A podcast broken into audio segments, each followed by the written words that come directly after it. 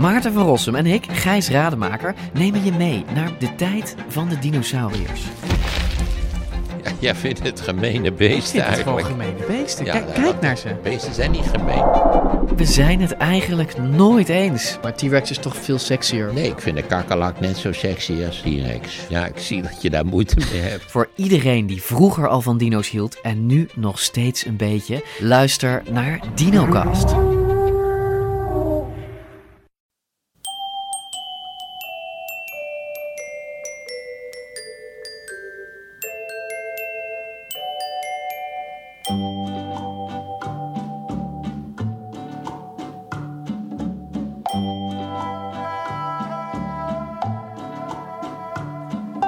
Welkom bij aflevering 112 van de Echt Gebeurd podcast, waarin waar gebeurde verhalen worden verteld door mensen die ze zelf hebben meegemaakt. In deze podcast een verhaal van Vassili Athanasiadis. Het thema van deze Echt Gebeurd middag was kogels.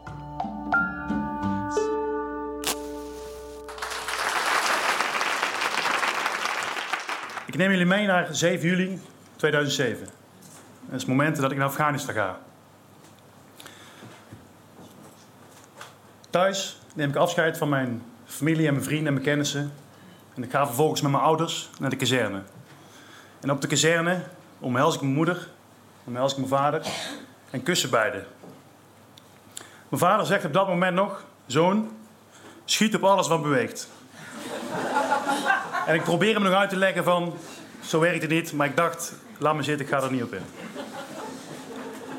Samen met mijn collega's stap ik in de bus. En we rijden van de kazerne naar Eindhoven Airport. Het militair vliegveld. Het is maar een klein stukje. Maar het is meteen akelig stil in de bus. In Afghanistan aangekomen, moeten we meteen aan het werk. Ik ging die kant op met het idee van, we hebben een opbouwmissie. Ja, opbouwmissie Mereet. We moesten meteen veel knokken. En dat hadden we van tevoren niet verwacht. De eerste maanden gaan voorbij. We hebben heel veel geluk gehad, toen al. En op 2 oktober gaat het voor mij persoonlijk mis. Ik was er als groepscommandant, sergeant. En ik had een, een uh, panzerrupsvoertuig, een IPR en een jeep ter beschikking. In totaal had ik acht jongens. Vier zaten op de jeep en de andere vier zaten bij mij in het panzerrupsvoertuig. 2 oktober dus. En we krijgen een opdracht om aan de zuidzijde van de Belutje-vallei een verkenning uit te voeren. En we staan daar en op het moment dat we daar de locatie loslaten, worden we beschoten met mortieren. Een van die mortieren die valt op nog een 25 meter van ons voertuig. En de scherven en het grind, de stenen, ja, ze kletteren eigenlijk tegen het voertuig aan. En we kijken elkaar aan en we zeggen, zo, dat was dichtbij. We hebben geluk gehad, we hebben mazzel gehad. Maar we lachen eigenlijk als een boer met kiespijn.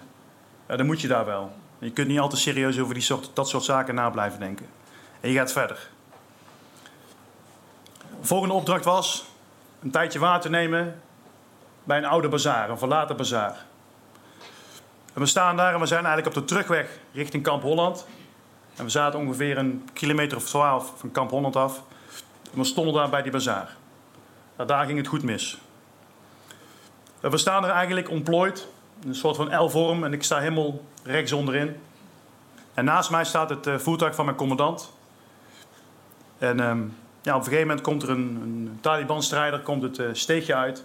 En die legt een buis op zijn schouder, een RPG. En daar kun je een, eh, een granaat mee afvoer- afvuren. Ja, wij zien letterlijk de granaat door de lucht vliegen en inslaan bij het voertuig naast ons. Het zal ongeveer 35 meter geweest zijn.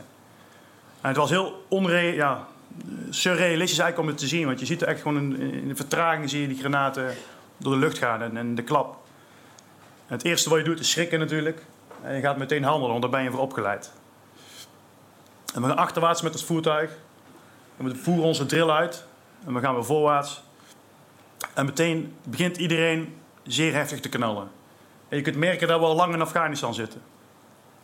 Als je de eerste, eerste gevechtscontact vergelijkt met deze keer, ja, dan zie je het geweld waar je mee eh, aan het werk gaat. Je bent niet meer terughoudend. En je denkt, het is, eh, het is zij of, eh, of wij zelf. En we hadden op dat moment ook ontzettend veel munitie bij ons, want we waren voor langere tijd op patrouille. Dus we dachten van nou, Dan zullen ze ook eens een koekje geven ook, uh, van eigen deeg. Oh, tijdens dat gevecht, um, wat heel onoverzichtelijk was, want de Taliban was heel moeilijk te zien, stond er ook een dromedaris in, uh, bij de Oude Bazaar. En die zat vast aan de ketting. Waardoor al die kogels die, die rondvliegen, was dat beest ook geraakt. En ik, uh, het geluid wat het beest, de dromedaris, ja, eigenlijk maakte, dat vergeet ik niet meer. Het was echt een, een helse pijn wat het beest uitkermde. En ik gaf mijn bootschutter de opdracht om het beest uit zijn lijden te verlossen. En ja, dat heeft hij dus ook gedaan met zijn kanon. Heeft er drie schoten erop afgevuurd. En ja, wat je dan ziet, ja, daar schets jullie verbeelding wel, denk ik. Ja, de darmen liggen eruit. Het is gewoon vies om te zien. Maar ja, oorlog is nu eenmaal lelijk. En ik maak op dat moment ook de beslissing om een stukje verderop te gaan staan met mijn voertuig. En met mijn jongens. En die beslissing heb ik genomen omdat ik niet wilde dat de Taliban of nieuwe mensen kon aanvoeren of dat ze konden vluchten. Ik wilde ze aanpakken. Dat is een keuze die je op dat, moment, maakt. Je rijdt door een stukje niemandsland en overal ligt gevaar. Achter iedere steen kan de vijand zitten. Er kunnen bermbommen liggen, noem het maar op. En we gaan een stukje verderop staan met ons voertuig. En we staan een beetje op een heuveltje. En ik zeg tegen mijn chauffeur: rij een klein stukje naar achteren, want we staan te dicht op de rand. En ik wilde niet, net als mijn uh, collega, zeg maar, geraakt worden door die ja, RPG, door die granaat. Dus door iets naar achter te gaan, maak ik de afstand groter en de hoek moeilijker, zodat ik dan niet geraakt zou worden. Op dat moment klopt mijn corporaal, die klopt op mijn schouder. Als hij toevallig, want die jongen die was normaal nooit bij mij in mijn panzerrupsvoertuig, die zat altijd op de jeep. Maar hij vroeg aan mij van, goh, ik wil een keer met jullie mee. Jullie maken het elke keer mee, je zit in het heetst van de strijd. Mag ik een keertje, een keertje mee? Nou, dat was afgesproken.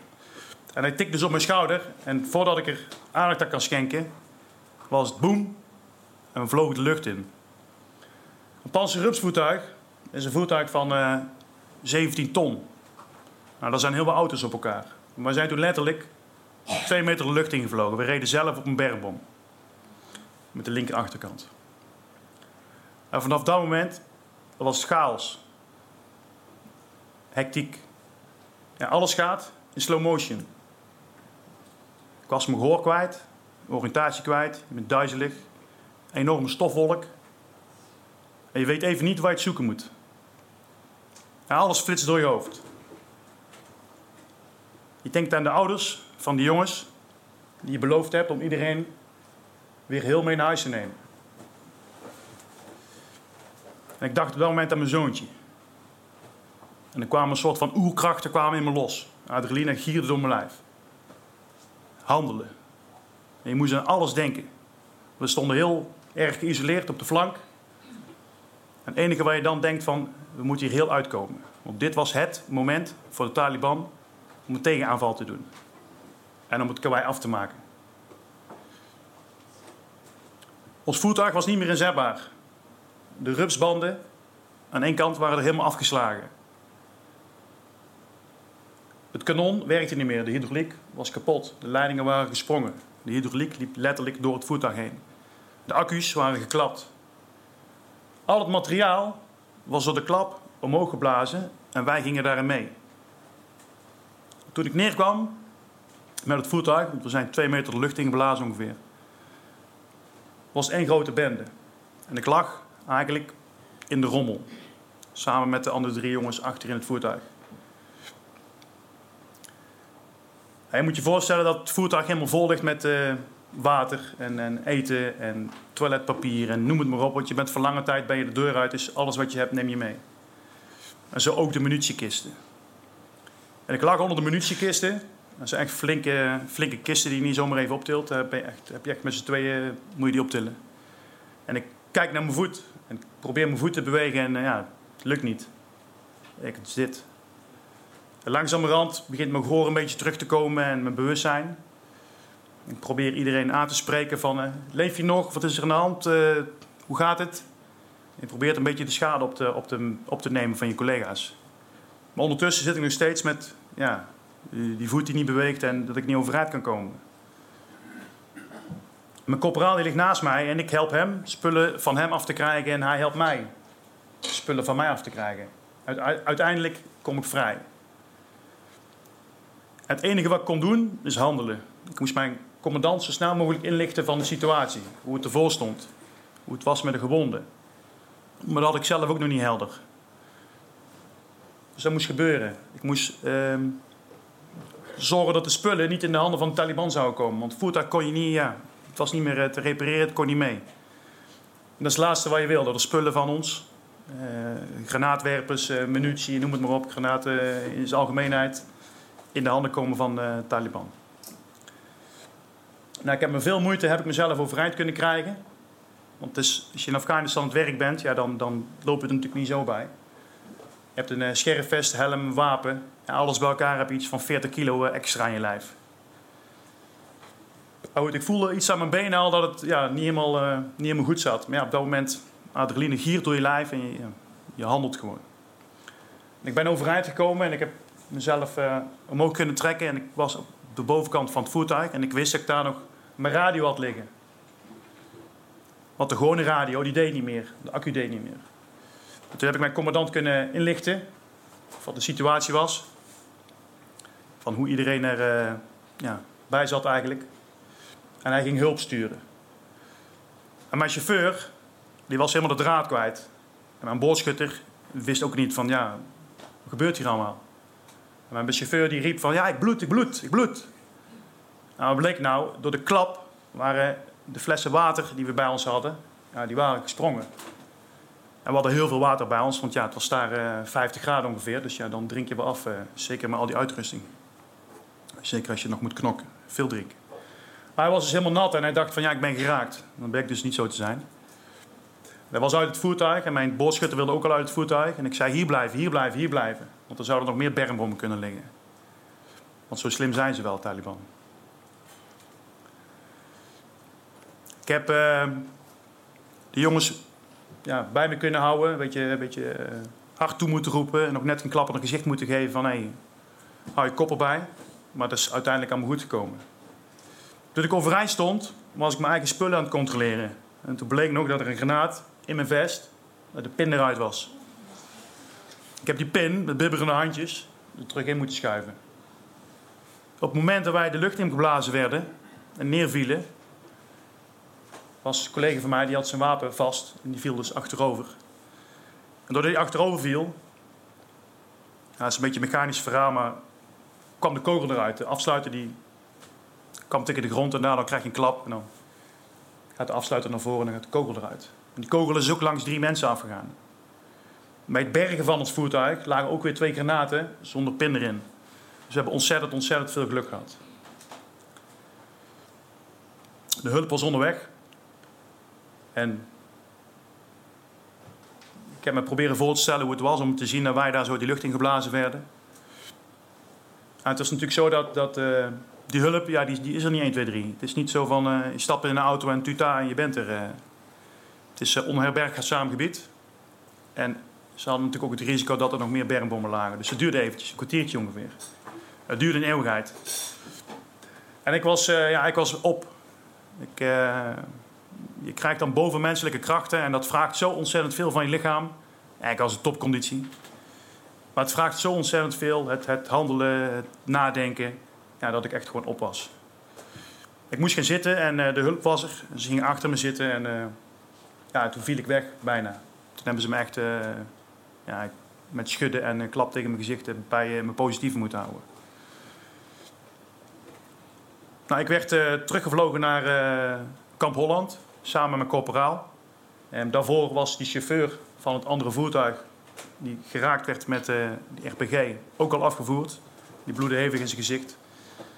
En ja, in hetzelfde gevecht, wat ongeveer 40 minuten duurde, waren wij de volgende die terug konden naar uh, Kamp Holland. Nou, we vlogen met de Amerikanen terug naar uh, Kamp Holland. En dat was dus 2 oktober. En ons peloton had het al aardig voor de kiezer gehad. En de hogere legerleiding had besloten op het kamp in Kamp Holland om ons terug te halen. We waren dus uh, eh, 3 oktober lagen we in ons bedje, met, al lekker in het gips. En toen kwam ons peloton terug en toen kregen we bericht dat ja, het wederom eigenlijk fout was gegaan op de terugweg. Het was de bedoeling om ze uit ellende te halen en juist op de terugweg ging het mis. Er was een, uh, ja, een, Afghaan, een Taliban-strijder, die had zichzelf opgeblazen met zijn auto. Door met zijn auto op ons eerste voertuig in te rijden. En de auto kwam dan tot uh, detonatie. Goed. 5 oktober werd ik teruggevlogen naar Nederland. Samen met corporaal. Hij had zijn linker knieschijf gebroken. En ik had mijn rechter enkel gebroken op drie, plaatsen. En mijn linkerbeen, uh, mijn knieschijf. Dus met twee benen het gips terug. Later is er nog uh, ja, whiplash bijgekomen omdat ik op mijn nek uh, geland ben en PT6-klachten. Oh, dat is een heel traject daarna eigenlijk. teruggekomen in Nederland op 5 oktober is het eigenlijk ja, een totaal andere wereld. Een moment ben je aan het knokken voor je leven en voor je collega's. Probeer je heel thuis te komen. En ander moment loop je door een ziekenhuis waar mensen van die mooie blije crocs uh, aan hebben. Ja, dan kun je dat niet rijmen met elkaar. Je bent, uh, ja, je bent iets anders gewend, een andere omgeving gewend. Ja, dat mag duidelijk zijn, denk ik. Ja, ik zie mijn familie weer. En op dat moment kon ik pas mezelf laten gaan. Toen kon ik de tranen laten rollen. Ik hoefde niet meer stoer te zijn, ik hoefde niet meer groot te zijn voor, voor mijn collega's. Ik was alleen, mijn familie en een paar naaste collega's. Ik mocht meteen naar huis, diezelfde dag nog. Het was me eigenlijk niet eens opgevallen dat mijn vriendin op dat moment in de hoek stond. Een beetje onbeduidend. Maar goed, ik zat toch helemaal vol met emoties en ja, ik had er geen oog voor. En helemaal thuis, de eerste weken, komt er heel veel bezoek over de vloer natuurlijk, want iedereen wil, uh, wil je verhaal horen en of je iemand doodgeschoten hebt. Dat is een prachtige vraag. Maar goed, dat is begrijpelijk. En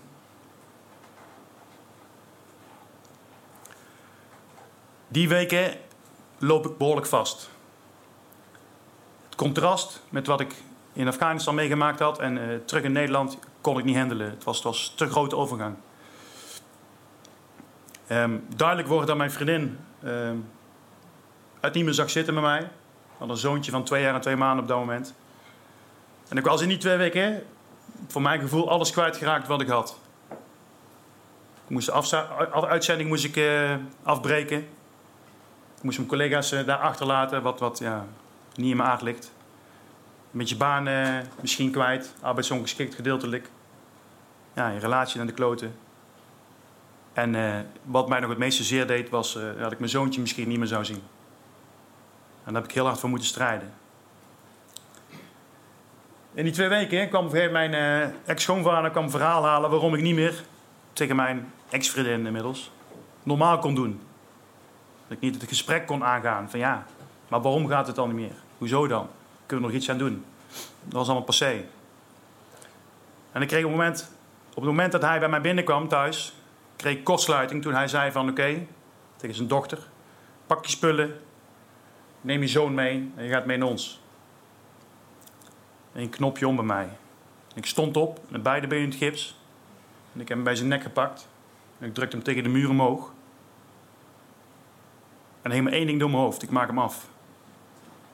Ik zat helemaal vol met agressie.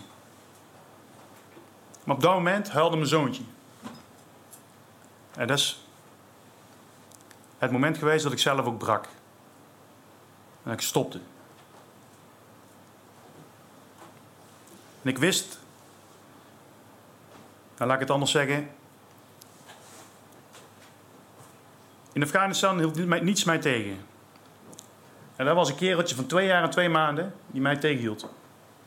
Maar wel op het juiste moment. En ik heb heel veel aan hem ja, moeten danken eigenlijk. Tot nu, toe, tot nu toe. Nog steeds. Dat is vaker voorkomen, dat soort situaties. Wat ik jullie mee wil geven is dat als je militairen ziet die misschien een keer uit hun vel springen, agressief reageren, dan heeft dat een oorzaak. Hebben daar dingen gedaan ja, die jullie hier niet kunnen bevatten. En dat doet iets met je. Je bent opgeleid om militair te zijn, om te knokken en nooit op te geven. En het moeilijkste voor mij is om hier in Nederland op te moeten geven. Als ik in een situatie zit dat ik wil knokken, dan doe ik er verstandig aan om dat vooral niet te doen. Maar dat gaat tegen mijn aard in. dan wil ik je graag meegeven dat je, als je ooit in zo'n, situatie komt, dat je denkt van, uh, wat gebeurt hier? Uh, dat je even nadenkt van, ja, misschien zit er meer achter. En dat geldt niet alleen voor mij als militair, En zo heeft iedereen wel een, een rugzakje waar iets in zit. En de boodschap is dus, ja, oordeel niet te snel. Probeer eens verder te kijken dan, uh, dan wat je ziet. Dat is mijn verhaal, dankjewel.